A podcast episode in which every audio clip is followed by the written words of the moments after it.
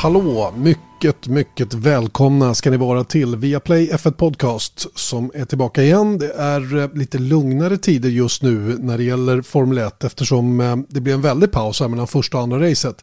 Inte, inte helt optimalt kan ju en sån som jag tycka i alla fall att det blev på det viset. Men vi kommer ju oavsett det oförtrutet tillbaka. Och idag ska vi prata om eh, Idag ska vi prata om Honda. Honda är intressanta. De eh, kliver av efter den här säsongen som motorleverantör men icke desto mindre ger de precis allt de kan eh, för att lämna med flaggan i topp. Och det här är lite intressant fenomen ändå får man väl ändå säga att, att, att det funkar på, på det viset för, för Honda eh, och japaner kanske i synnerhet då. Sen ska vi prata där med high rake, low rake. Det här är ju någonting som vi tjatar väldigt mycket om under våra sändningar. Eh, och de här regeländringarna som har gjorts till i år, vilken av koncepten har drabbats mest? Eh, det blir lite intressant. Sen går vi ju i eh, önskedrömmar om att få åka på race snart. Jag kan tänka mig att en och annan av er som lyssnar ehm, funderar på att åka på race. Vill åka och se något Formel 1-lopp live. Vilka ska man åka till? Och vi har ju faktiskt varit, både du och jag Erik, har ju varit på en del race och kan ge en hyfsat bra bild av vad man ska välja och varför. Ja, precis. Och det är ju faktiskt någon fråga som jag får, och jag antar att det gäller dig också, så är det liksom så här, ja, jag ska åka till den banan tänkte jag, är det bra, var ska jag bo, eh, vilken kurva ska man sitta i och så där. Så det här ska väl bli någon form av, kanske inte en så här, den totala eh, guiden, men däremot våra favoriter, vad man kan tänka på, vad man skulle kunna tänka sig att sitta och också vad man, vilken bana man kanske ska undvika att åka till. Ja, för det finns sådana. Ingen tvekan om den saken. Ehm, spenderade du senaste helgen med att titta på något speciellt i motorväg? Ja, MotoGP tittade jag på. Ja, Otroligt grej. igen. Ja, det, är de är, alltså. det, är, det är fenomenalt vet du, hur de har fått till det där reglementet nu och eh, hittat rätt med alla de här bitarna. Jag måste säga att jag är, jag är djupt imponerad av vad de har åstadkommit och den här mångfalden längst fram. Eh, ingen som dominerar egentligen då. Det kan ju ha att göra lite grann med att Mark Marquez fortfarande är skadad då. Men, men, det är liksom, det är verkligen ovisst varje gång man sätter sig där. Ja, och det är det som, det, det är det här som är den heliga graal liksom i motorsport tycker jag. Att för det, vi har ju sett jämna motorsportserier, det gör man ju. Men däremot så ibland så kan ju det kännas så här, ja men det här är liksom inbyggt. Till exempel som BOP, alltså vad heter det? Balance of performance. Balance of performance, ja. Det är mm. en sån där skällsord som, ja, alltså purister brukar bry sig om det, men kanske inte alla gör det. Men jag menar, jag tänker, tittar man på GT-racing och, och, och Le Mans och sånt där, och då har vi balance of performance sett i förare och olika nivåer på förare och sånt där. Här är helt plötsligt så här, nej, vi kör högsta serien och den är svintajt. Och den bara är det. Det tycker mm. jag är så sjukt coolt faktiskt. Mm. Och, och det här är ju någonting Formel 1 naturligtvis letar efter. Ett koncept som, som gör att det blir på samma sätt. Mm. Eh, man är inte riktigt där ännu, men kanske på sikt. Vi får väl se om man lyckas med det nya då, som kommer till, eh, till 2022. Eh, att man där eh, hittar just den formulan som mm. gör att det här blir ett mycket jämnare mästerskap än vad det nu är. Absolut, men sen så har vi ju närmat oss där också tycker jag. Det ska man inte heller alltså, säga att ja, men Formel 1 är så himla ojämnt. Ja visst, Haas kommer inte vinna några race i år om inte eh, 18 bilar kraschar av. Men det är fortfarande jämnt och det, det är ändå olika sporter på något sätt. Eh, tycker jag. Att, det... men, men det är klart att det MotoGP har lyckats med har inte Formel 1 lyckats med fullt så bra. Nej, och sen får man inte heller glömma att det här är två fundamentalt skilda sporter. Verkligen, det går inte att, få till det som man får till i MotoGP med bilar eh, överhuvudtaget. Vi, vi, vi, jag menar, motorcykel eh, körs ju utan aerodynamik till största delen i alla fall. Vi kommer ju komma in på aerodynamikens påverkan senare i den här podden. Men när det är bilar med vingar på, jag menar då är det genast mycket, mycket mer komplicerat att få den där tajta och bra racing som man är ute efter. Ja, och jag skulle kunna ställa en MotoGP-cykel på mitt bord här, men en Formel 1-bil skulle inte få plats. Det gör ju också en stor skillnad faktiskt på banan. Det, det, det kan man aldrig glömma bort, att en bil är nästan alltid större än en motorcykel. Det var väl mm. visa ord. ja, jo, i och för sig är uppenbart. Men... En bil är nästan alltid större än en motorcykel. ja, den är bra. Eh, tittar du på Extreme E? Nej, jag gjorde inte det faktiskt. Nej. Jag såg där, för jag fattade inte riktigt hur jag skulle titta på det. Och det är inte för att eh, späka eh, en, en rättighet som vi inte har. Men eh, jag såg klipp, men då såg man bara en bil som åkte iväg. Typ. Det är Mm. allt jag har sett. Men jag tror ingen hade rättigheten. Jag tror att all, de sände det bara över sociala medier och, och alla, jag menar, alla förarnas kanaler, sociala mediekanaler sände och så vidare. Det fanns typ en feed som de kunde länka vidare och eh, jag, jag, jag tittar ärligt talat inte heller. Jag tyckte kanske att konceptet verkade lite rörigt. Eh, men jag förstår ju också vad de gör. Det är ju en rätt, det är en rätt cool grej ändå att sätta upp en sån här bil. Mm. Förarbesättningarna går ju inte av för hacker, verkligen inte. Eh, det är en man och en kvinna, helt i linje med hur det ska vara nu för tiden. Eh, och, och hela den biten. Va? Och, och sen kör man då på fem väldigt utsatta platser i världen då när det gäller klimatförstöring eller klimatpåverkan i vilket fall som helst. Och så är det då ett elbilsmästerskap. För mig blir det kanske lite mer av ett jippo än en biltävling till fullo. Va? Men det spelar ju ingen roll tycker jag. Eh, underhållningsmässigt har jag läst mig till att många tyckte det var himla fränt att kolla. Och Mm. Det var nog tuffa omständigheter att köra de där bilarna i alla fall utifrån vad jag läst mig till i efterhand. Ja, och sen, jag tror att också att det här var race 1 eh, någonsin. Så att jag menar, det kan ju bli eh, väldigt annorlunda om, det, om man låter det gå några år. Jag menar, om man ändå tittar på, jag kommer ihåg när vi såg första Formel E-racet, det var inte så att man inte kände att det var ett jippo då heller. Men nu har det blivit mer av en riktig tävling. Oavsett vad man tycker om Formel E i övrigt så, så är det Mm. ju etablerat på ett helt annat sätt. Så jag, jag, eh, jag håller med dig, jag tycker att det är en cool... eh, Det, alltså om inte annat som så här, man får se det positivt när någon försöker utveckla en ganska konservativ sport och göra någonting annat av det. Verkligen. Och jag menar, kolla vilka, vilken, vilken eh, vad heter det, bakgrund det var. Tävlingen kördes ju på ett himla häftigt ställe. Nu ska de till Senegal nästa gång och det kommer ju vara liknande förutsättningar åt ökenhållet. Även där nere va. Men, men eh, häftigt. Häftigt att se. Och Mm. det blev ju svensk succé dessutom. Dubbelt Ja. pallen.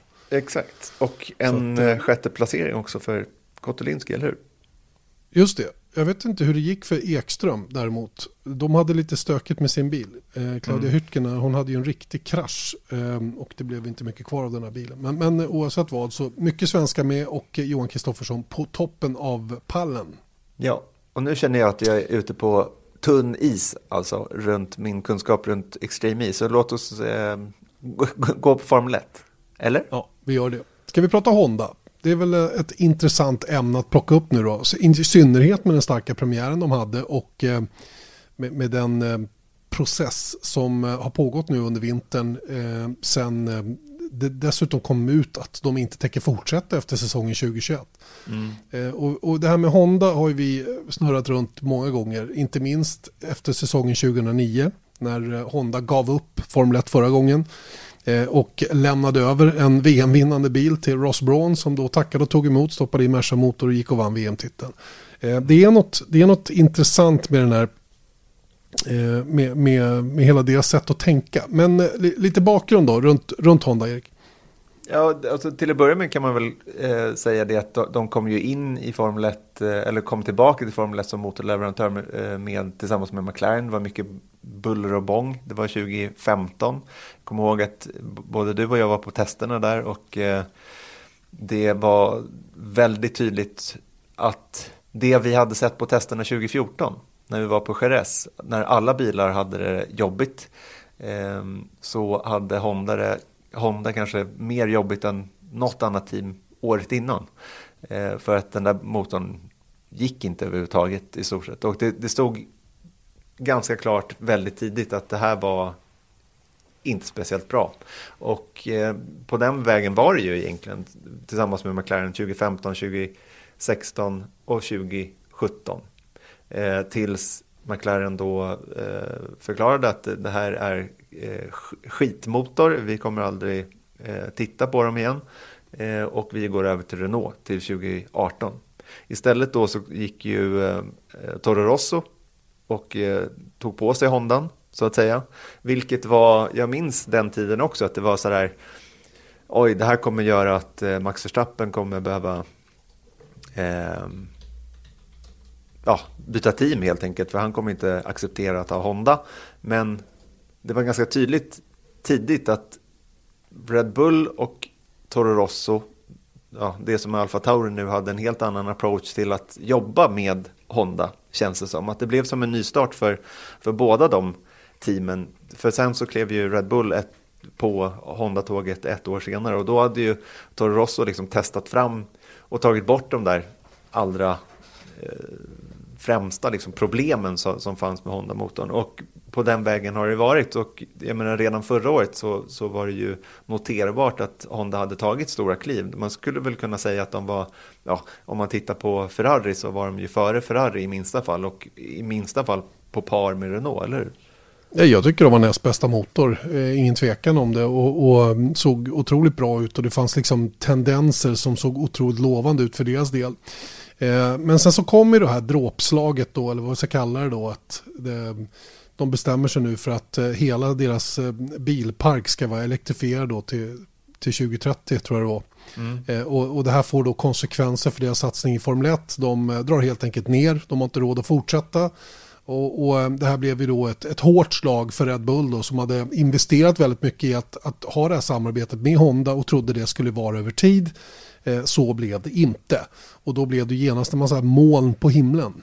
Mm, precis, för redan innan här så hade det, var ju planen från Hondas sida att introducera ett nytt motorkoncept till 2021, alltså årets säsong.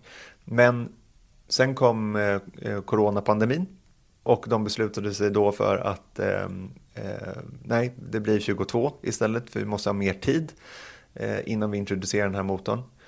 Men under den tiden då så kommer det här beskedet från Honda att, som säger då att de, vi kommer lämna Formel 1 efter 2021. Eh, och det som händer då är ju ganska spännande tycker jag, för då kommer Honda till liv igen och vill till varje pris introducera den här nya motorn, den som Red Bull och Alfa Tauri har i sina bilar eh, i år. Återigen till 2021. Ja, och det intressanta innan det är ju att den här diskussionen om hur ska Red Bull göra efter 2021 vaknar ju verkligen till liv också. Vad har de för alternativ? Och det pratas om att gå tillbaka till Renault och det var Mercedes, ehm, ja ja, inte så troligt vad Renault skulle kunna leverera om de måste, eh, vilket de egentligen inte ville naturligtvis efter deras historia bakåt i tiden. Och, och, och, och ehm, alla började då inse att hur är det, kan Red Bull kan Red Bull driva den här motorn själva? Nej, det kan de inte om utvecklingen är fortsatt fri. Mm. Men däremot om man kan få igenom via mycket lobbying att reglementet fryses efter säsongen 2021, ja då kan det faktiskt funka. Och, och, det slutar ju med att man har gjort någon form av generell överenskommelse om det. Att motorreglementet kommer frysas efter säsongen 2021. Mm. Och sen är det då samma motor 22, 23, 24. Innan vi sen tar en ny, en ny, ett nytt motorkoncept i bruk då till 2025. Och det här gjorde ju då att eh, spelplanen såg lite annorlunda ut för Honda också då när det gällde just hur de tänkte göra sitt sista år. Precis, för då helt plötsligt så stod det ju klart då att, att eh, Red Bulls eh, främsta liksom, arbetsteori var ju att men vi behöver ta över Honda motorerna helt enkelt och driva dem. Och det var ju det som allt det här handlade om. Det var ju Red Bull, som, Red Bull och Alfa Tauri då som såklart ville då att ja, men så länge eh, motorerna är frysta, då kan vi liksom maintaina de här motorerna snarare än att utveckla. Om vi ska utveckla dem så blir det problem, men kan vi bara liksom ta hand om dem så att säga, renovera och bygga dem, då, då är det en helt annan grej. Det fixar vi. Och då startade ju då eh, Red Bull där, Red Bull Advanced Technologies heter det va? Nej, Drivetrain. Drivetrain, mm. så heter det. Mm. Ehm, och ehm, ja, på den vägen är det. Men poängen här är ju då att jag vet ju hur, eller jag läste någonstans att här, när du har sagt upp dig från ett jobb och du har alltså uppsägningstid, då går det då generellt sett, personen som har sagt upp sig tappar då i arbetseffektivitet med 30 procent. Någonstans där. Eh, det, det beror väl på person såklart. Jag skulle ju aldrig tappa 30 procent om jag hade sagt upp mig. Du skulle ha gjort Nej. det, känner jag. Ja, ja absolut. Ja. Du hade tappat 40. Precis. Men Honda, det, Honda då gör ju tvärtom. De går ju upp med minst 30 procent. För det är då det här beslutet tas. Att nej men, nu måste vi introducera det som vi har liksom utvecklat och planerat redan till 2021 istället för 2022. Då. Jag vet att det, det är väldigt mycket tidslinjer nu och ni får göra en liten mindmap över det vi, det vi pratar om. Men poängen är att på sex månader så kommer de på sig, vi har sex månader på oss om vi ska kunna introducera det nya motorkonceptet. För poängen för Honda var att när de tittade på sitt gamla koncept så att säga, så insåg de att vi har nått vår peak där. Vi kommer inte kunna utmana Mercedes om vi inte gör det här nya konceptet. Och det handlade, och det är inte några små grejer. det är inte så att man liksom så här paketerar om något avgassystem direkt, utan de ändrade layouten på kamaxlarna, gjorde det eh, kompaktare och lägre tyngdpunkt, vilket gav dem möjlighet att då ändra förbränningseffektiviteten och även där då få lägre tyngd på, på motorn. Så motorn blev liksom lägre och kortare, vilket också gav nya möjligheter aerodynamiskt för att motorn är mindre och då kunde man paketera den annorlunda. Det är ungefär det som McLaren ville ha.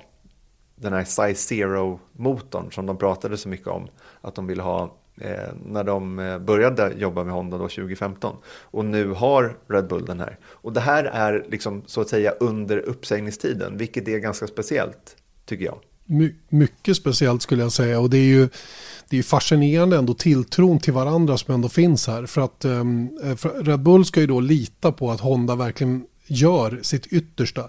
Nu ska vi väl tillägga här, och det fattar ni alla, att jag och Erik har inte suttit med på några möten. Vi har inte hört hur diskussioner har gått. Vi vet inte vad Honda har lovat och hur Red Bull har önskat saker eller om det har funnits påtryckningar åt något håll. Vi ser det här enbart från utsidan. Eh, och, och eh, förstår ju naturligtvis att det har varit lite surr, men, men om vi är någorlunda logiska i vårt resonemang och tankesätt här så är det ju inte helt orimligt att man i, i de allra flesta fall under en tid när man bestämmer sig för att sluta och lever man, man, vet att man är tvungen att köra kontraktet ut så är det ju inte så att man skjuter på det absolut sista man har normalt sett.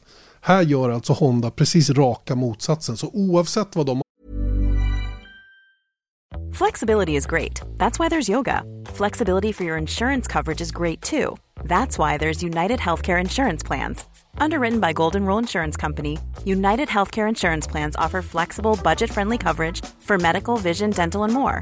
One of these plans may be right for you if you're, say, between jobs, coming off your parents' plan, turning a side hustle into a full hustle, or even missed open enrollment. Want more flexibility? Find out more about United Healthcare Insurance Plans at uh1.com. Every year, one thing is always predictable postage costs go up. Stamps.com gives you crazy discounts of up to 89% off USPS and UPS services, so your business will barely notice the change. Stamps.com has been indispensable for over 1 million businesses just like yours. It's like your own personal post office. No lines, no traffic, no waiting. Sign up with promo code PROGRAM for a four week trial plus free postage and a free digital scale. No long term commitments or contracts. That's Stamps.com code PROGRAM. Har pratat om och hur de har kommit fram till det här så är det ganska ögonbrynshöjande att det är på det här viset och att de har fått fram den här motorn som faktiskt kan vara det nya riktmärket i Formel 1 och kan mm. vara det över tid dessutom. Och, och, eh, det är ju det här som är så himla himla intressant med japansk mentalitet. Eh, jag slog i älgens signal eh, på förmiddagen. Jag tänkte att han skulle ha varit med och prata lite. För vi har ju varit inne på sånt här tidigare då när vi har pratat japansk arbetsetik och moral. Och han sa det att jag kan inte, jag kan inte, det går inte att sätta ord på hur det är där borta.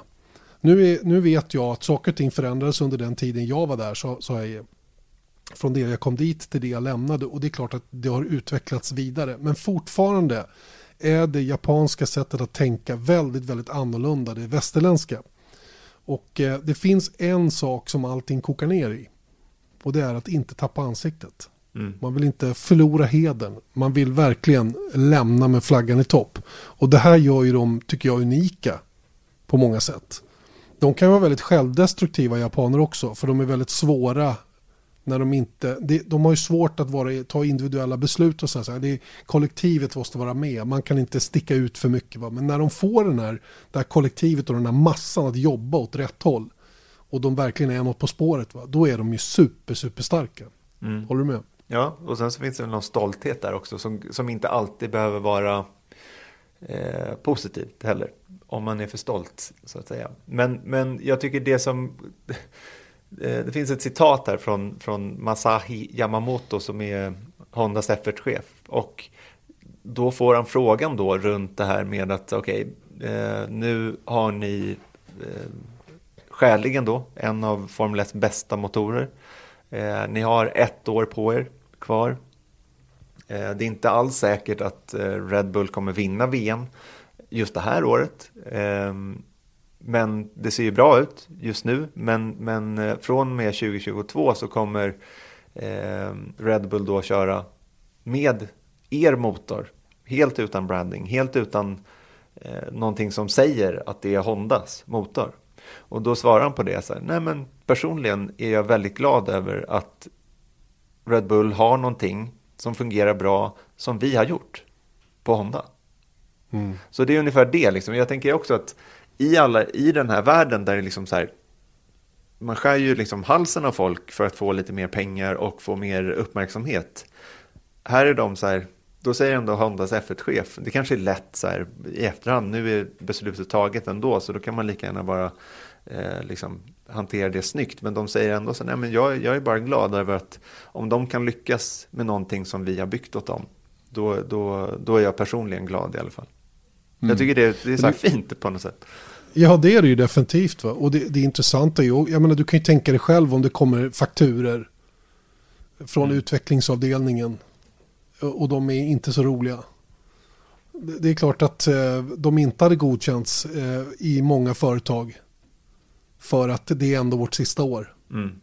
Förstår du? Precis, Låt, och det, det, det, det är ju det här som är... det vi har redan men vi inte en enda extra krona just nu. Exakt, exakt. Det handlar mer om att spara eller hålla samma nivå. Och det är ju det här de gör så fantastiskt bra. Och eh, nu, jag har verkligen ingen ingående erfarenhet av japansk mentalitet och sådana grejer överhuvudtaget. Va? Utan det är ju sånt som jag har fått berättat för mig eh, från andra. Då. Till exempel Eje då, som, som jobbade väldigt många år där borta, men även Björn. Hur, hur, eh, hur de har sitt sätt att se på saker och ting. Va? Och det, ehm, det, I det här fallet så är det ju någonting som, som eh, gör någonting bra för Red Bull och för Alfa Tauri. Eh, och, och det, jag tycker det är kul. Jag, jag, eh, jag tycker det är synd att Honda lämnar. De hade en enorm potential att bli en riktig maktfaktor igen i Formel 1, vilket hela tiden har varit det de har velat. Ända sedan de var med förra gången. Och gav mm. bort ett koncept som sedan blev VM-vinnande. Så det är ju också, det, det, historien upprepar sig lite grann då. Det finns i alla fall vissa tangeringspunkter kring hur de la ner sin satsning förra gången och lämnade över då en, en VM-bil till, till Ross Braun då, som stoppade Merca motor i och vann VM. Mm. Och, men jag vill lägga till då såklart att det här är ju inte det de gör nu. Det är ju klart att det finns ju skäligen, vi kan ju inte sätta fingret på hur, hur stor den är, men det finns någon form av transaktion här ju, ekonomiskt sådan. Dels på att Honda syns väldigt väl på, på Red Bull-bilen i år. Eh, och det är ju inte skäligen gratis då för Red Bull att ta över den där motorn. Det är inte så att så här, Honda skickar över lite motorer och sen så är det bra med det. Utan det är säkert då en ganska stor transaktion då för att ge åtminstone lite sved och verk till Honda att eh, få driva vidare de här motorerna. Men, men det, det, har ju diskuterats, eller i varje fall gått lite rykten om att så här, okay, skulle det nu visa sig att Honda och Red Bull då vinner VM i år, finns det någon eh, chans att de trots allt skulle hänga kvar när de ser att de har lyckats med årets motor? Mm. Nej, tror jag inte. Där, där, där ger de sig inte. Och där är de lika hårdnackade åt andra hållet. Mm. Det finns liksom ingen turnaround. Nu har de redan bestämt sig och nu är alla, alla är på väg åt ett annat håll. Hela, hela gänget av den stora massan människor. Sen har ju naturligtvis Rebel Drivetrain eh, fått eh, köpa in mycket know-how från Honda som, så, som de får ta över ansvaret för och hela den biten då för att kunna sköta underhållet på de här motorerna och naturligtvis bygga nya motorer. För det kommer de ju att göra. De kommer att bygga nya motorer men det kommer inte att ske någon utveckling på dem. och det är ju det som är hela grejen här. Så att, nej, fantastisk story i alla fall så här långt. Så får vi se om det håller hela vägen in i mål för, för Red Bull och Honda då. Och det är, inte li, det är inte utan att man tycker att det vore fränt om de, de fick en liten framgång nu. Eh, Red Bull är ju ändå en stormakt i den här sporten. Det är inte så att jag håller på dem på något sätt. Va? Men det, det blir ju lite, det, det skakar om i, i, och det har vi väl alla kommit fram till nu efter den här första, fantastiskt första helgen i Bahrain att det här är ju någonting som piggar upp väldigt. Att det är lite olika förutsättningar som verkar gälla till i år och vi, vi ska ju komma tillbaka till det alldeles strax. Mm. I andra avseenden också. Precis. Red Bull Powertrains Limited heter den. Så heter de. Så heter de. Bara så att vi right. är klara med det. Just det, och det kommer att finnas då i Milton Keynes. Eh, sannolikt tar de över den eh, Engine Assembly fabrik som de hade i Milton Keynes Honda. Ni lyssnar till Viaplay F1 Podcast med Janne Blomqvist och Erik Stenborg. Erik Stenborg Eh, och jag som har pratat Honda en lång stund nu. Eh, vi kommer nog hänga kvar lite grann vid Honda, kanske inte Honda så, men vid teamet som de sitter i i alla fall, där de har sina motorer, nämligen Red Bull. Eh, vi ska landa lite grann i de regeländringar som har gjorts till i år. Där eh, teamen då har begränsats när det gäller eh, produktion av downforce på bilarna med ungefär 10 något som alla var rätt eniga vid skulle vara återhämtat innan säsongen startade eller i alla fall i det närmaste.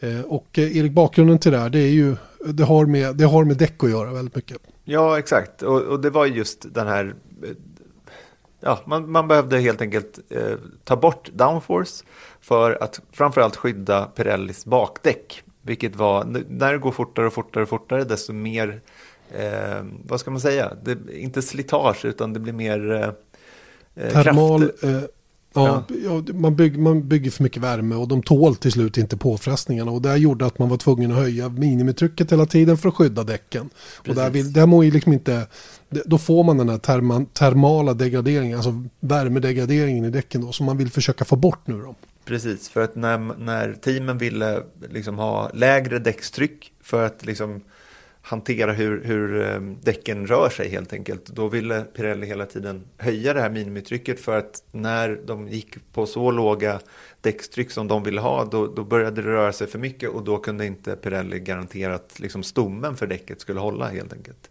Ehm, och då behövde man göra det här på något sätt, minska det här eh, 10-procentiga downforce-taket ehm, eh, då och då kom man eh, fram till att man ska då minska golvytan vilket är det man har gjort då. Eh, och varför man valde golvytan, det är, jo, men det är för att stora delar av F1-bilars totala downforce kommer just från golvet. Utan att gå in för allt för mycket detalj på hur ett golv fungerar så, så är det ju eh, att luften liksom styrs under golvet och då blir det liksom negativt tryck under bilen. Eh, precis som en flygplansvinge helt enkelt. Att, eller på en Formel 1-bils vinge faktiskt. För man mm. tror ju att det här planet man ser, den här lutningen som man ser ovansidan av vingen, det är där downforcen kommer. Men det är ju faktiskt att luften passerar under vingen så att säga.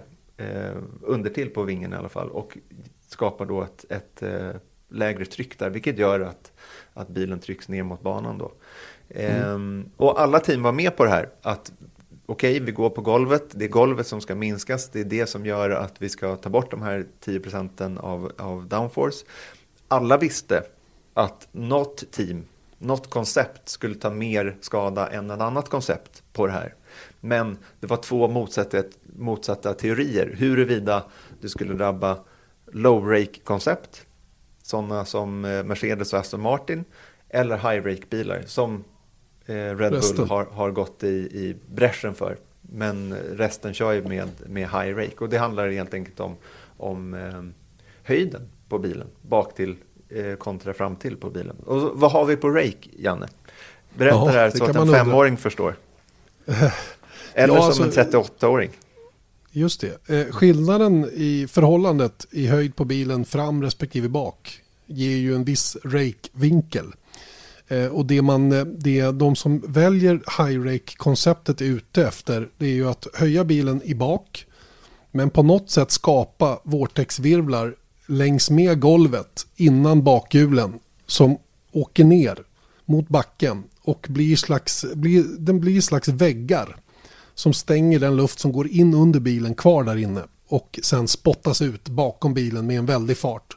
Och det är den där accelerationen ut till bak genom diffusen då som skapar det här negativa trycket, sedermera suget ner i backen, det vill säga downforce. Eh, det finns två olika koncept att se på hur man bygger en Formel 1-bil idag. Mercedes har ju varit det mest framgångsrika under den här eran, det vill säga under, eh, under um, turbo V6 hybrideran, en större tyngre bil, längre hjulbas valde Mercedes och därefter en större, ja, eh, därav en större golvyta då. Medan de som väljer då att köra bilen med en högre bakände, de söker någonting annat. Eh, där vill man ju att bilen ska tryckas ner när den går fort på rakerna. Men när du minskar fart så höjs bakänden, framändan på golvet går ner mot backen eh, och framvingen går ner mot backen också. Du får lite mer peak downforce då, som, som är nyttigt att ha då, framförallt i lite lägre, lägre fartsvängar. Eh, och eh, det här är ju det är väldigt, väldigt komplicerat där. Eh, faktiskt, man måste läsa hundra gånger om allting. Och det, här, det roliga är att även experterna är ju inte helt eniga om vilket av de här koncepten som är det bästa. Troligen är det så att high rake-konceptet är minst lika bra som, low, som flat rake, det vill säga det Mercedes har. Det är bara det att det är kanske lite svårare att nå dit. Eh, det som har hänt till i år då är ju att man alltså har minskat golvytan och Ehm, det finns egentligen ingenting som per automatik säger att det här ska skada det ena eller det andra konceptet mer eller mindre. Faktum var att experterna själva var inte eniga om huruvida high rake eller low rake skulle vara det som tog den största smällen. Vilket gjorde då att teamen gick med på det här överhuvudtaget? Ja, precis. Ja, för att det var ingen som egentligen hade facit. Och det är det här som är så roligt med alltihopa det här. Och jag tror, om jag ska vara riktigt ärlig, att de med low rake var nog rätt säkra på att ja, men det har inte funkat så där jättebra med high rake-konceptet för Red Bull och nu får de ännu mindre golvyta att jobba med. Eh, och, och eh, det har ju dessutom varit så att man har ju minskat möjligheten att skapa de här virvlarna som också stänger diffusen i bak för att hålla luften kvar under bilen. Eh, så att eh, man, man, jag tror att både Mercedes och eh, i viss mån Aston Martin som har gått Mercedes väg med sitt bilkoncept tänkte att ja, ja, men det här ska nog lösa sig. Men så kommer vi till Bahrain och kör testerna. Vi såg en väldigt, väldigt nervös Mercedes-bil. Vi såg en Aston Martin som inte heller presterade på den nivån. Vi såg däremot en Red Bull som var helt planterad. Rakt igenom alla dagar när de körde där nere. Och vi kommer till tävlingshelgen och vi ser samma utveckling.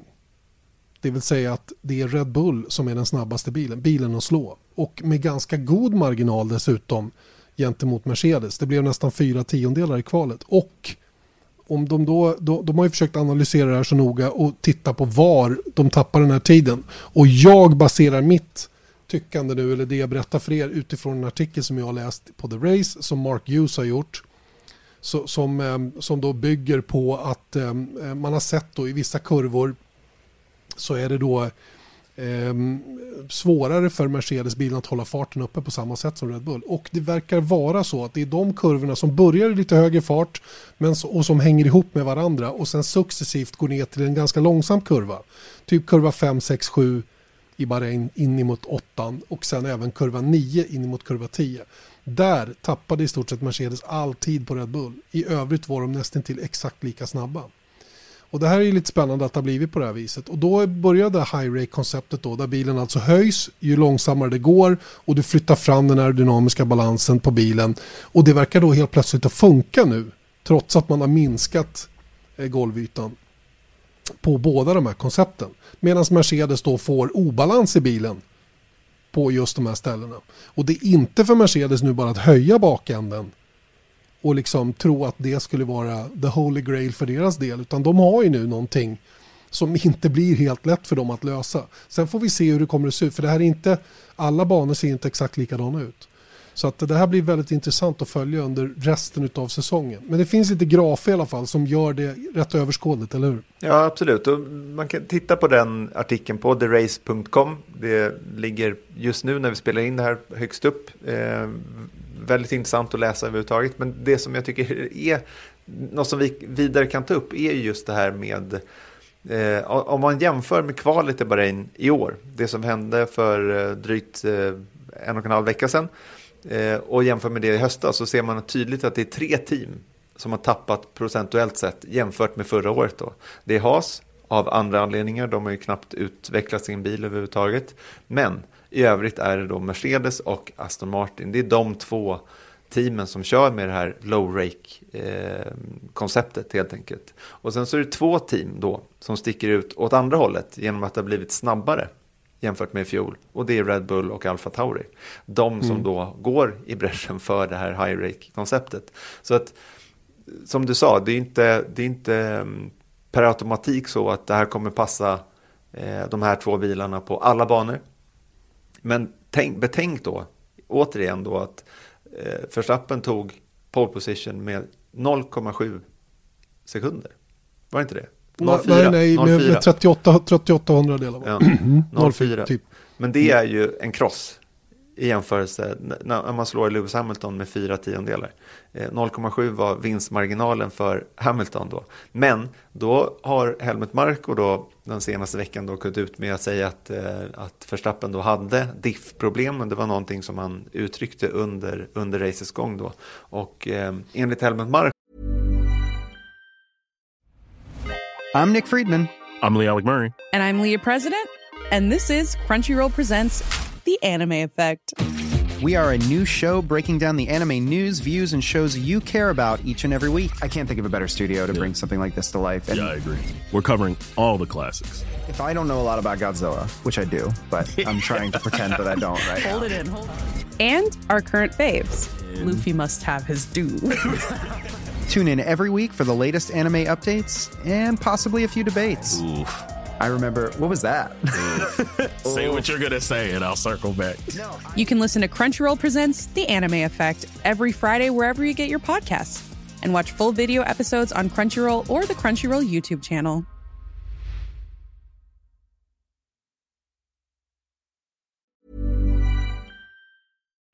så skulle de här diff-problemen innebära 0,3 sekunder per varv.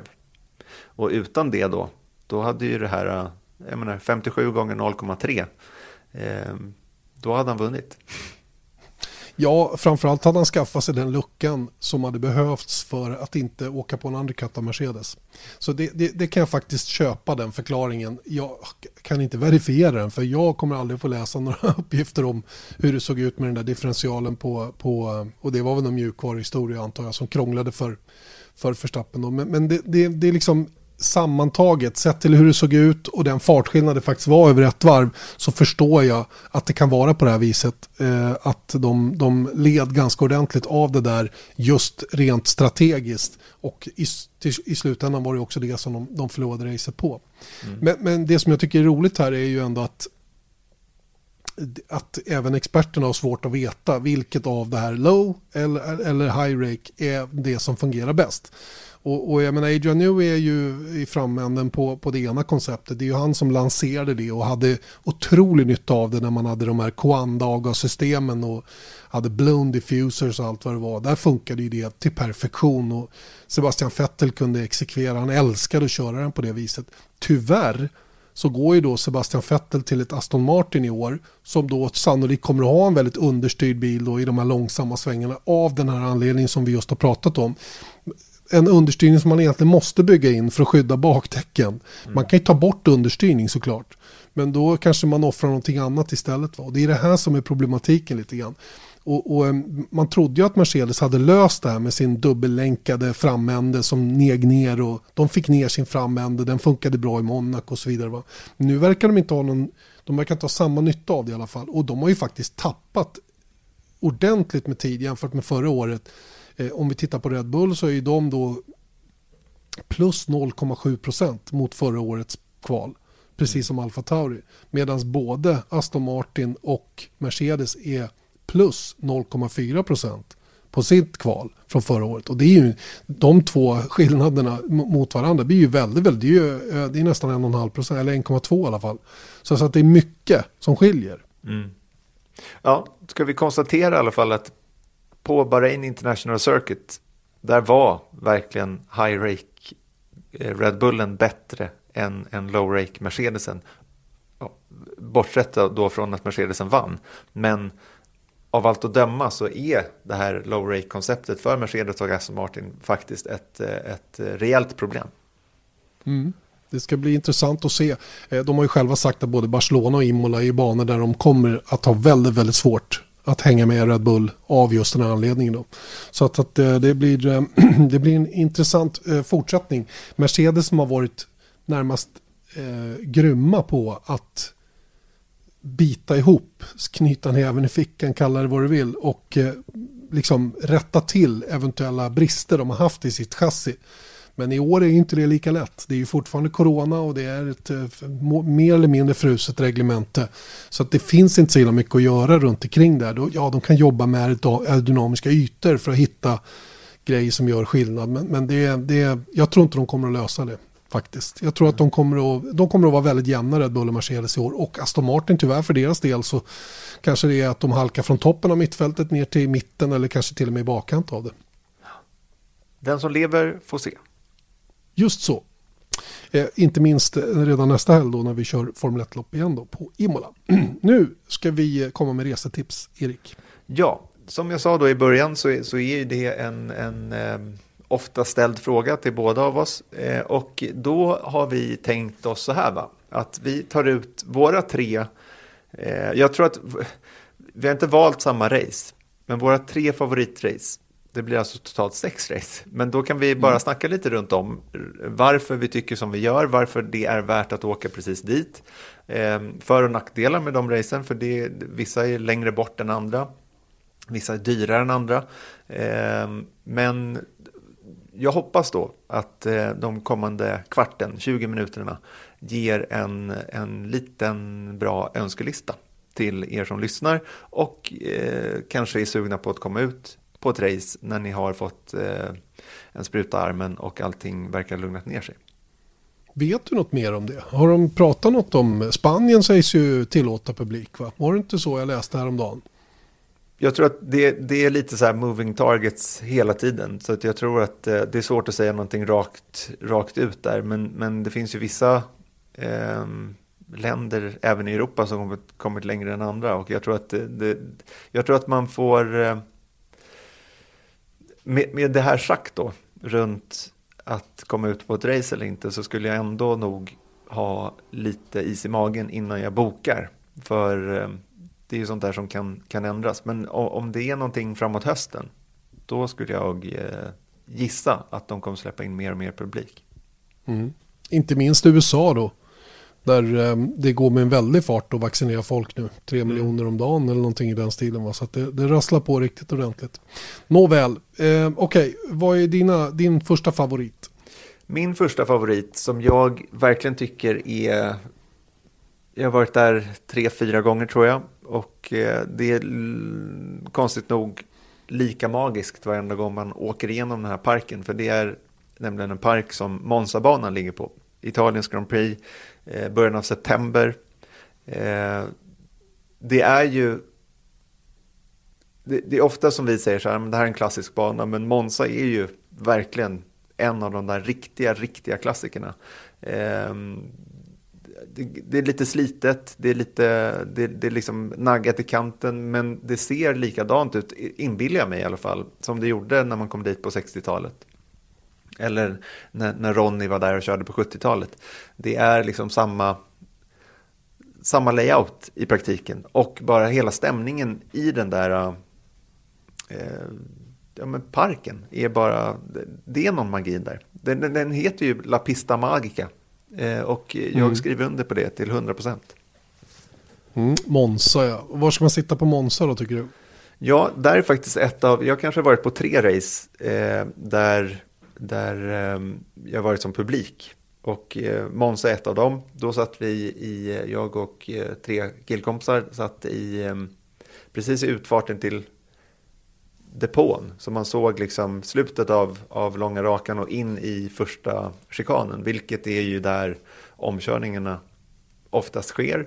Jag tyckte det var bra. Man kunde eh, sitta liksom, man är på depåsidan så att säga där.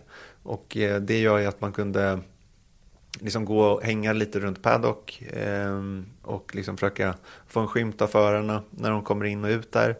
Och framför framförallt då så kommer man ut på start och mål efter racet har kört klart. Vilket är, då stormar ju alla, ehm, eh, hela publiken går ju ner på banan och står där under det där klassiska podiet. Och det, det var faktiskt en upplevelse som jag aldrig kommer glömma faktiskt. Det är några mysiga restauranger och fik där också på insidan som jag tycker är lite cool. Och gamla garagen där borta där 70-talets eh, Formel 1-hjältar höll till är också lite fränt att se. Så att det är någon gammal bensinmack och det är någon, um, någon skulptur och någon förare för mig som, som mm. också finns i de här krokarna. Jag, jag, jag håller med, Monza är Monza. Är Monza. Punkt. Mm. Och där bor man ju också då med fördel i Milano. Det är lätt att hitta billiga hotellrum Eh, lätt att hitta fina hotellrum också. Och sen så kan man bo nära eh, centralstationen. Och då slipper man eh, tänka så mycket för då är det bara att eh, hoppa in på tågstationen och åka tåg till Monza. Och sen så har du en, en kilometers promenad in på banområdet och så är du där. Och så mm. åker du där och, och då är det liksom eh, det vallfärdas ju av publik där så det är väldigt god stämning där på, på det där tåget vad jag vill minnas. Mm. Det behövs ingen sån där, eh, vad, är det de tjafsar om när det gäller fotbollsfans här i Sverige? Någon sån här stege. Ja, precis. Villkorsstege. Det behövs inte när det gäller Formel 1, det kan jag garantera. Nej. Det är väldigt god stämning till och med. Alright, eh, min, min första favorit, den är ju lite längre bort. Eh, ligger på andra sidan Atlanten. Eh, för mitt val faller nämligen på Circuit of the Americas. En av de nyare banorna då i, i Formel 1 VM kom in på kalendern 2012. Eh, fantastisk anläggning som byggdes där mitt ute på prärien eh, utanför Austin i Texas. Eh, min, min, eh, ja, det är en favorit helt enkelt. Jag, jag har haft så trevligt varje gång jag varit där. Eh, jag har bott lite olika beroende på. Eh, jag har bott inne i stan vilket är praktiskt eh, på många sätt. Man, Austin som stad betraktat är en, en lite annorlunda stad för att vara en amerikansk, ett amerikanskt ställe. Det är inga höghus att tala om egentligen. Det är inget sånt, inget sånt downtown med massa skyskrapor utan det är ganska låg bebyggelse. Det är barer och restauranger och, och lite småbutiker och sådana grejer. Det är himla trevligt runt eh, 56 gatan där inne i, i Austin och eh, det är mycket hangout-ställen där som man kan ha stor nytta av. Eh, jag har även bott på Airbnb. En liten bit utanför centrum på andra sidan 35, I35 då, som är motorvägen som går ner mot eh, Dallas och, och, och allt vad det nu är. Um, och um, det är också trevligt. Där kan man få sig en, en schysst villa om man är några stycken till en hyfsad peng. Mm. Det är inte så billigt, det är det inte i och för sig. Va? Men, men, och det är också rätt nice. Då kan man laga sin egen mat och man kan göra lite trevligt. För det finns, ah, jag bara tycker att det är, det är nice där borta. Mm. Sen väl ut på banan så, um, så är det också lättillgängligt. Det är, det är easy peasy. Du bör nog med fördel ha en bil. Uh, eller hitta någon form av shuttle service som går hela vägen ut. Men, men, bil är bra och det finns gott om parkeringsplatser och, och är vädret okej okay så det, ska inte det vara några större problem. Det har ju regnat några gånger där borta som inte är så roligt när man står på de här gräsparkeringarna. Eh, men om man kommer ända in till banan och kan stå på en asfaltparkering då är det ju allra bäst naturligtvis. Och sen eh, är ju banan helt fantastisk. Och var man ska sitta det är jag kanske inte den bästa att fråga eftersom jag är aldrig ute på en läktare. Men jag tror att det är rätt cool att sitta i sektor 1 där de här S-kurvorna uppe på toppen där när man har kommit igenom kurva 1 som är efter den här branta första backen. Där tror jag att det är bra att sitta. Ja, det har din son gjort. Och han har visat bilder mm. eh, på när han var där och tittade på Formel 1. Mm. Och då satt han liksom precis i, i slutet av de där S-kurvorna som, som kommer efter kurva 1. Eh, mm. Så är det bara en backe ner egentligen och massa S-kurvor. Då får man ju både kombinationen av att se eh, hur snabba F1-bilar faktiskt är. När de rör sig i, i i de här S-kurvorna. Det är helt otroligt. För jag har gått runt lite eh, och tittat där på runt eh, under träningarna och det är sjukt alltså att se, se mm. krafterna som är i spel där. Och sen som det är ut i, liksom, i sista eh, i slutet av de där S-kurvorna då ser du även ner, i, i, ner på backen i vänsterkurvan precis innan långa rakan och där kan det också ske en omkörning eller två, vilket jag skulle säga är, är toppplatsen att vara på. Och jag skulle mm. dock vilja lägga till att passa på att bo inne i Austin. Ni måste ha bil för att ta er till banan. Jag tror att det är enklast som sagt, men det är en otroligt trevlig stad att vara i. Eh, speciellt under racehelgen för det, det, är liksom, det är lite folkfest på, på gatorna. Mm, Eh, verkligen, att- coolt. jag- Det, det här är, bara för att du tog det som nummer ett, jag hade kunnat ta det som nummer två i alla fall. Sen ska du åka och äta barbecue. Det kan du även göra in i stan. Men det är ett måste när man är i Texas. Har jag sagt Ja. det också. Ja. All right? Nummer två, den är lite kontroversiell för att jag, jag, ehm, jag tror att det är så här, det är en one time thing i alla fall. Sett till min, min eh, andra favoritrace och det är Monaco. På ett sätt så tycker jag att det är hemskt att vara där. För att det är eh, eh, tajt och svårt att jobba och det är just på jobb som jag har varit i Monaco. Så att jag kan inte svara på riktigt hur det är att vara där som, som publik. Men jag tror ändå att det är så pass speciellt ställe. Och att uppleva den stan och förstå hur liten den här banan är är någonting som man behöver se med egna ögon faktiskt. För att det är den här klyschan då att, att det är som att cykla ett vardagsrum, det, det är verkligen det. Och att se det hända, är, det gör någonting med en, tycker jag. Mm. Baksidan då är att det är fruktansvärt dyrt att vara där. Så det är nog kanske en gång man gör det. Jag tror att vi, vi gjorde något reportage eh, för några år sedan i Monaco om hur, hur dyrt kan du få det att, att eh, Just det. Gå, gå på Monacos Grand Prix. Och jag tror vi kom upp i 2,5 miljoner eller någonting sånt där. Och då har du inte hyrt en yacht eller någonting just sådär. Du har hyrt... eh, Du, du, Bor på eh, Fairmont. Ja, du, typ att du bor på Fairmont fast i någon svit där då och sen så har du de bästa läktarplatserna och sen så är du på Paddock Club då såklart. Men det är klart att du kan komma undan billigare. Du kan eh, placera dig i den här stora grässluttningen om man tittar mot eh, Raskas. Alltså hur ska man Där positionera han med silverhjälmen sitter. Ja, men precis. Men det är liksom Mm. på mot depån till ungefär. Så är det en, en, en stor gräslänt upp till eh, eh, slottet som är uppe på höjden. Och eh, där kan man sitta med general admission-biljetter. Eh, så det är Det är väl... sneak på riktigt det. Ja, fast det, det, jag, Ja. tror att, jag, jag gissar att stämningen är god där också. Men Jo. ska du sitta på läktare då får du betala, eh, jag tror att det är liksom runt 10 000 för tre, tre dagar. Eh, men Och då skulle jag rekommendera K-läktaren.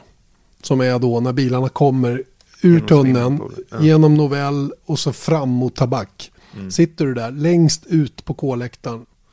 Då, då har du bilarna upp för backen mot kasinot. Om du tittar åt ena hållet så ser du bilarna de kommer emot dig från Novellchikanen mot Tabak. Mm. Det tror jag är ett coolt ställe. Och sen har du en jättestor eh, sån här skärm att titta på också om det skulle vara så. Precis, och med fördel så bor du inte i Monaco. Om du har råd med det så bor du i Monaco, men har du lite mindre eh, budget så kan man eh, bo i Nice. Och så tar man tåget fram och tillbaka till Monaco under dagarna. Och det är Funkar. eh, faktiskt eh, förvånansvärt smidigt. Ja, men det är bra. Det är bra. Och ehm, ja, Monaco är ju precis som Monza. Det är ju det är en av de där två som har varit med i alla tider. Och eh, man ska kanske ha gjort det, om man tänker sig åka på många race eller flera race än ett. Då är, då är det nog att åka till Monaco en gång bara för att ha upplevt en lördagkväll uppe vid Café de Paris. När man, det är liksom det, folkvimlet, myllret av människor som går och bara myser och har det bra. Det är rätt cool faktiskt att uppleva. All right, då ska jag ta min andra då som är faktiskt eh, också lite kontroversiellt kanske för vissa. Eh, Silverstone. Jag väljer faktiskt Silverstone. Eh, England som ehm, kanske inte är allas favorit men ehm, jag väljer Silverstone för att det, jag är lite, det är lite så här puristtänk. Det är, ändå, det är ändå racingens hemland. Det är en klassisk bana, den också. Det är ju det tredje av de här som har varit med sedan VM startade 1950 utav de vi har räknat Monza, Monaco och Silverstone här. Och ehm, den har några nackdelar, den är väldigt utspridd, det är ju på ett väldigt platt fält. Den är stort, stort banområde. Men här tycker jag man ska sitta eh, på ena eller andra sidan utav bäckets. Precis av samma anledning som du sa att man ska sitta i S-kurvorna på Kota. Se bilarna komma in i bäckets i 300 blås, tar ner farten kanske till 260 och de här riktningsförändringarna är sinnessjukt när man ser det i verkligheten. Det är så himla häftigt. Och um, Silverstone är ju, jag menar du, du möts av väldigt kunnig publik där festivalområdet som är också när du kommer in till banan. Det finns hur mycket grejer att uppleva som helst egentligen. Vad bor man? Ja, man bor eh, var man hittar något att bo, på att säga. Det är ju, eh, man kan bo i Buckinghamshire, någon av de här småbyarna som är. Eller så bor du inne i Northampton. Och det är väl inte jordklotets vackraste stad, det ska jag inte påstå. Men jag menar, under en F1 sådär så funkar faktiskt Northampton helt okej. Okay. Och de har ju sådana här um, um, park and ride-bussar. Så att eh, man kan ha bil och så tar man till en sån här parkering en ganska bra bit ifrån. Och sen åker man då med en, med en buss som ingår då i parkeringsavgiften. Det funkar rätt så bra faktiskt. Det har blivit oerhört mycket bättre på Silverstone rent trafikmässigt de senaste tio åren. Innan dess, innan man byggde om Silverstone så var det inte lika bra där. Det kan jag inte påstå. Men numera har det här blivit en otroligt modern och fin anläggning. Och eh, som sagt stämningen är ju fullständigt magisk. Alltså publik fullt på huvudläktaren framför depån hela torsdagen innan de ens har börjat köra. Det är, det är rätt cool att uppleva. Mm. Och jag skulle lägga till då att försöka hitta något mysigt pubhotell eh, som, ni, som ni kan bo på i, i någon lite mindre by. Och sen så åka runt lite i, på området också, för det finns några riktigt så här gastropubbar och, och, eh, och liksom klassiska ställen där... Eh, Muddy det, Duck ska man åka till. Mm. The Muddy Duck. Det är en gastropub helt enkelt mm. som, som mm. du har besökt många gånger. Eh, det är ett sånt ställe, men det finns också du vet, sådana här vattenhål som förarna hängde, i, hängde vid, vid eh, på 70-talet som, som kan liksom ge lite, lite ja, historiens vingslag till din vistelse på Silverstone. Onekligen, så är det. Mm. Ja, nummer tre då? Nummer tre är också lite sådär, jag vet inte, det, det här är min personliga eh, åsikt och det är lite likt eh, din, liksom, din vinkling runt eh, Kota och Austin. Det är nämligen Montreal och Kanadas Grand Prix. Det är just, eh, jag tycker att Montreal som stad är väldigt eh, trevlig. Eh, det är lite annorlunda, det är liksom en europeisk stad så att säga i, i Nordamerika. Eh, hyfsat lätt att, eh, att kombinera med kanske en övrig östkustvistelse i USA. Man skulle åka till New York över eh, en lång helg och sen så tar man tåget. Det tar några timmar upp eh, norrut eller så sätter man sig på ett eh, eh det är inte inrikesflyg men det är en, en kort flygtur upp till Montreal. En, tim, en timme ner till LaGuardia ungefär. Mm. Och då eh, bor man såklart inne i Montreal och där går det shuttles från stan in till banområdet. För det ligger där på Ile Notre Dame som är lite... Eh, Tunnelbana var också. Tunnelbanestationen ligger ja, precis i, i, närheten av banan där. Så att där kan du ta tunnelbanan dit och så bara går du sista biten in. Det är mycket promenera i Montreal, det är. Det får man leva med. Mm. Men det, det, du håller väl med? Det, det är en trevlig stad, det är uh, god stämning. Det, det, är verkligen så här, det märks mer i Montreal att det är Formel 1 är på besök än, eh, än i Kota. I varje fall mm. när jag har varit på båda ställena uh, samma år. Ja men så är det verkligen och, och St. Catherine Street, heter det inte så? Mm. Um, eller Catherine Street, jag kommer inte ihåg om det är Sankt först. Uh, hur som helst så är det ju, det, det är liksom ett, det är ett litet kluster mitt inne i stan där. Där um, det är ett jävla drag kort och gott under de här fyra dagarna. Det blir inte billigare när Formel 1 kommer dit och äta mat och sådana grejer och dricka bärs och vad man nu känner för att göra. Men, men det är ändå liksom, det är nice att ta in miljön och atmosfären och banan är ju häftig alltså. Vad skulle du säga att man sitter då? Alltså det är ju andra kurvan tror jag blir rätt, för där blir det alltid action efter start och målraken. Eh, när de kommer och svänger vänster och sen så är det höger, där, där blir det ofta väldigt mycket omkörningar i varje fall. Du ser rakt in i depån, vilket är rätt kul om man ska hänga med i racet och se vilka som, som går in i depån och dessutom se ett, ett depåstopp nu för tiden är rätt coolt. Ehm, alternativt så sitter du ju i slutet av långa rakan, skulle jag kunna säga. Mm. Mm. Ehm, ja, in, i, in i chikanen där. Precis. Finns det några läktare där då? Ja, det är väldigt små läktare på insidan, så den är inte, det är inte alls samma, samma grej. Jag skulle absolut, nummer ett är, är som jag säger, kurva två. Men Mm. om det är fullt där så kan ni sätta, sitta på den lilla läktaren på liksom samma sida som kommentatorshytterna var. Ja, det är rätt cool att se där, the, the, the Wall of Champions. Mm.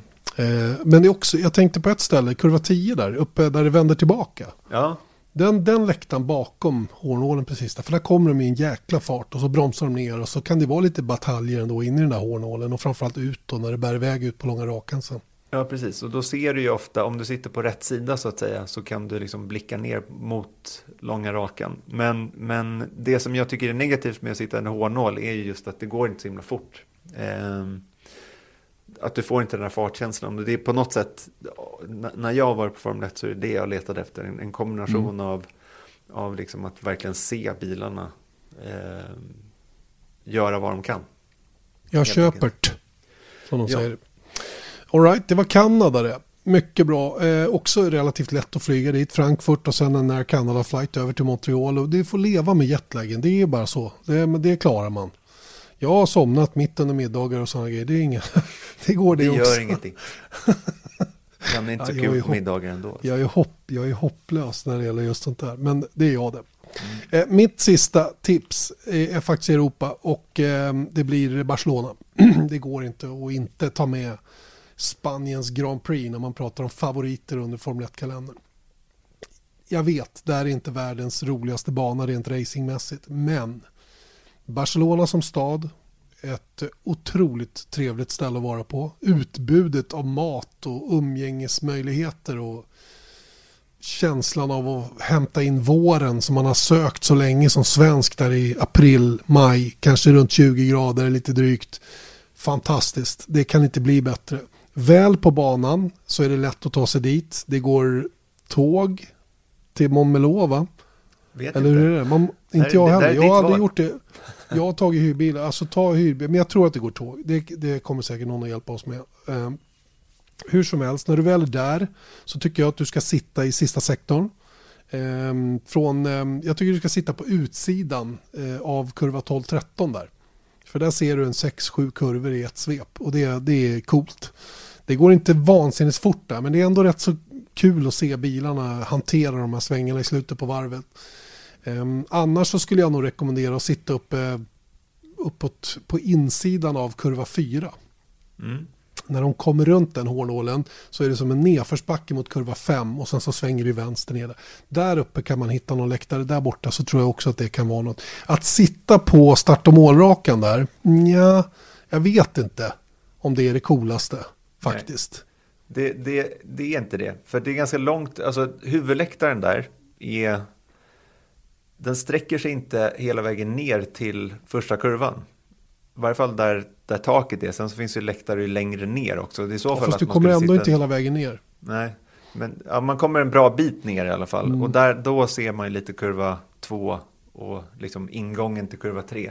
Eh, och så ser du ju över på, på när de kommer runt där. Eh, upp mot, vad blir det? Fem, kurva 5. Ja, kurva 5. Fem.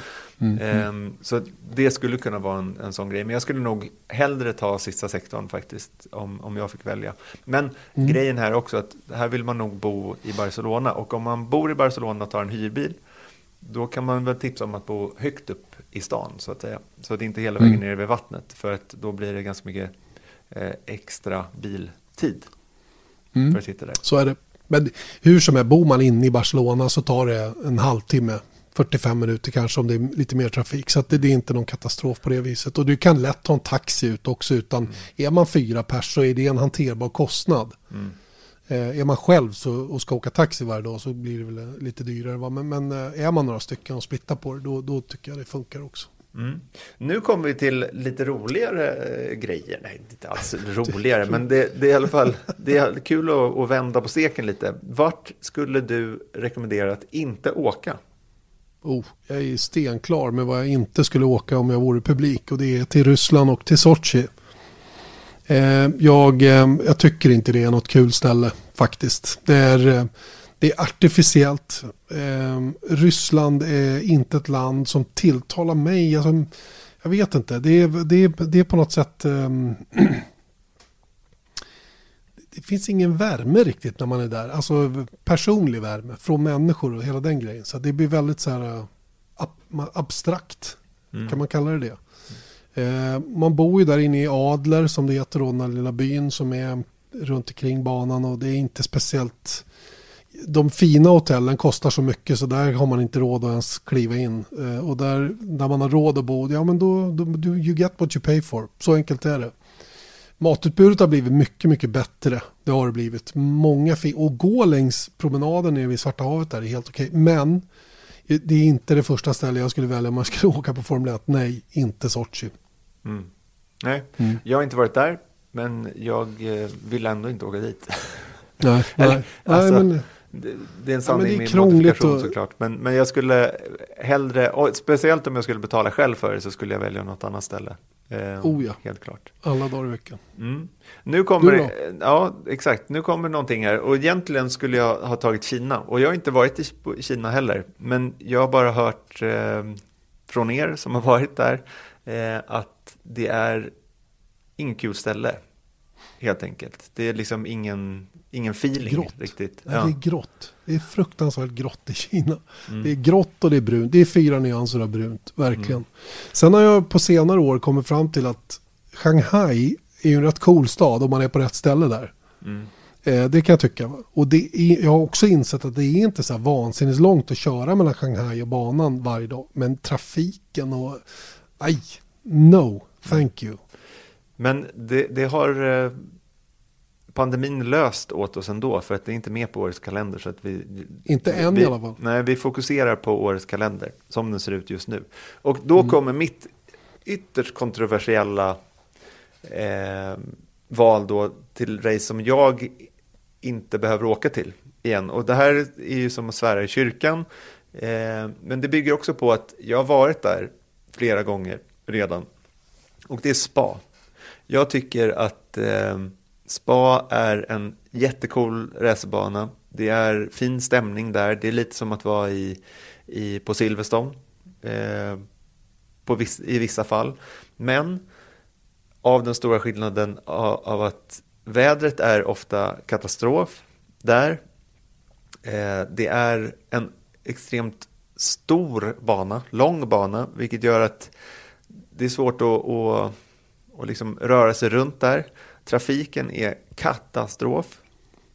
Alltid. Varenda morgon så, så, så kommer ni ha panik för att ni kommer missa allting på banan. Man, får ju, man får ju hjärnblödning av det. Det är ju bara så. Man måste åka sex på morgonen för att vara safe. Ja. Tråkigt. Och sen så är det lite jobbigt att hitta ställen att bo i närheten. För att om du ska bo inne i spa, alltså det, då, då får ni boka till 2023 nu i stort sett. Och då vet ni inte vilket datum ni bokar heller. Vilket gör att man hamnar liksom lite i utkanten. Det, det, det är ingenting som är liksom... Och, återigen, här är jag, men jag tycker inte att man får liksom någon så feeling om man bor på någon så bondgård någonstans 45 minuter därifrån och sen så sitter man i bilen hela tiden så går man ut i regnet. Det är liksom lite si och så. Sen så är det jättemånga som har åkt dit och bor i husvagn och, och bor i tält och sånt där. Det är inte någonting som jag skulle välja eh, personligen då. Sen så är du väl på banan, ja men det är en cool bana och det är häftigt att se och rouge och sånt där. Men jag tycker att det är så här, eh, i övrigt så, så om jag säger så här, du tar inte med dig familjen. Om det är du som är intresserad av Formel 1 och ska få med dig familjen att åka till ett race, då kan man åka till Monza eh, för att Milano är kul och det är fint och det är en höstresa och allting sånt där. Du åker inte till, till eh, Belgien lika lätt med din eh, eh fru och barn. Eller mamma Jobbar du på belgiska turistinformationen? Eh, nej, jag gör inte det faktiskt. Men, nej, men du, har sagt, rätt, du har rätt i varenda stavelse. Det är ja. precis så det är där. Så, Sen kan det vara oerhört skärmigt på många sätt också. Men det är verkligen precis så som du beskriver. Ja. Trafiken är till helvete, vädret är sällan bra. Du hamnar oftast på, i något eh, litet pojkrum på någon bondgård. Mm. Och det är liksom eh, svårt att hitta någonstans att käka. Och, och, ja, men det är liksom, det är, det är vissa vedermödor med att vara där. Ja. Om man inte ska bo in i Liège eller åka till Aschen. Eller, visst, det kan du göra. Va? Du kan till och med bo i Bryssel för det är bara 13 mil. Men Det är, det är liksom inte, det är inte, det är inte så man vill att det ska vara. Nej, Inte inte, om man ser, inte om man ser till som helhet till resan. Om man bara åker Nej. dit för att kolla på Formel 1-bilar, ja, absolut. Mm. Men eh, ja, det är väl våra, våra tips där. Hoppas att ni Ja, har ska eh, få, fått ska få en bubblare också. Ska få en Ja. bubblare också. Ja, Budapest. ja. Budapest är en bubblare. För att alla som frågar mig var de ska åka i Europa. Ja men det är det. Alla som frågar mig var jag ska åka i Europa. Ja men du ska åka till Barcelona eller till Budapest. Eh, Barcelona för, av given anledning som jag redan har dragit. Men Budapest för att det är också en liten eh, gryta. Mycket folk, god stämning. Det är så varmt där oftast. Det kan vara lite påfrestande om man eh, ja, tycker sånt är jobbigt. Ska man komma ihåg. Eh, Budapest är en fin stad, men det är lätt att åka taxi till och från banan, alla de bitarna. Alltså, det är ganska enkelt att vara i Budapest. Men, men eh, tyvärr så hamnar det inte riktigt på min topp tre-lista av race jag skulle välja att åka till. Eh, kanske för att jag varit där så himla många gånger. Men, men eh, ha Budapest, för det, är- det, är en, det är ett prisvärt ställe att åka och se Formel 1 på. Verkligen, helt klart. ja, jag håller med där. Bubblare för Mm. mig också. Bra. Då har vi bubblat färdigt, är det inte så? Det har vi gjort, men eh, vi är tillbaka nästa vecka igen. Och då är det ju racevecka. Då är det inte bara Imolas, eh, det heter inte Imolas Grand Prix, men de ska köra Formel Ta, 1 kan på Imola. namnet? Kan du inte ta namnet? Eh, då får du spela lite pausmusik, har du det? Nej, jag har ingen sån. De ska köra på Imola, det var ju någonting vi På Imola. konstaterade Ja. förra veckan också. Eh, men de ska också köra Indycar på Barber. Mm. Det blir roligt. Det blir en hejdundrande helg nästa vecka. Och det ser vi Vi fram ska vi inte försöka få med våra indie boys kanske att prata med oss lite grann nästa vecka? Det vore väl trevligt. Ja, försök du. Så får vi se Vi hur gör, det ett, blir. vi gör ett försök att få med både Felix och Marcus. Kanske även Linus Lundqvist faktiskt som debuterar i Indy Lights. Mm. Som också kör på Barber.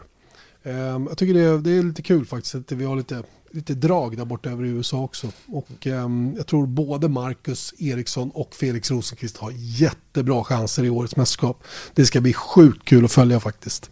Så att eh, vi ser fram emot den helgen. Vi får ta en, en, en vilohelg till. Sen är det flat out som gäller.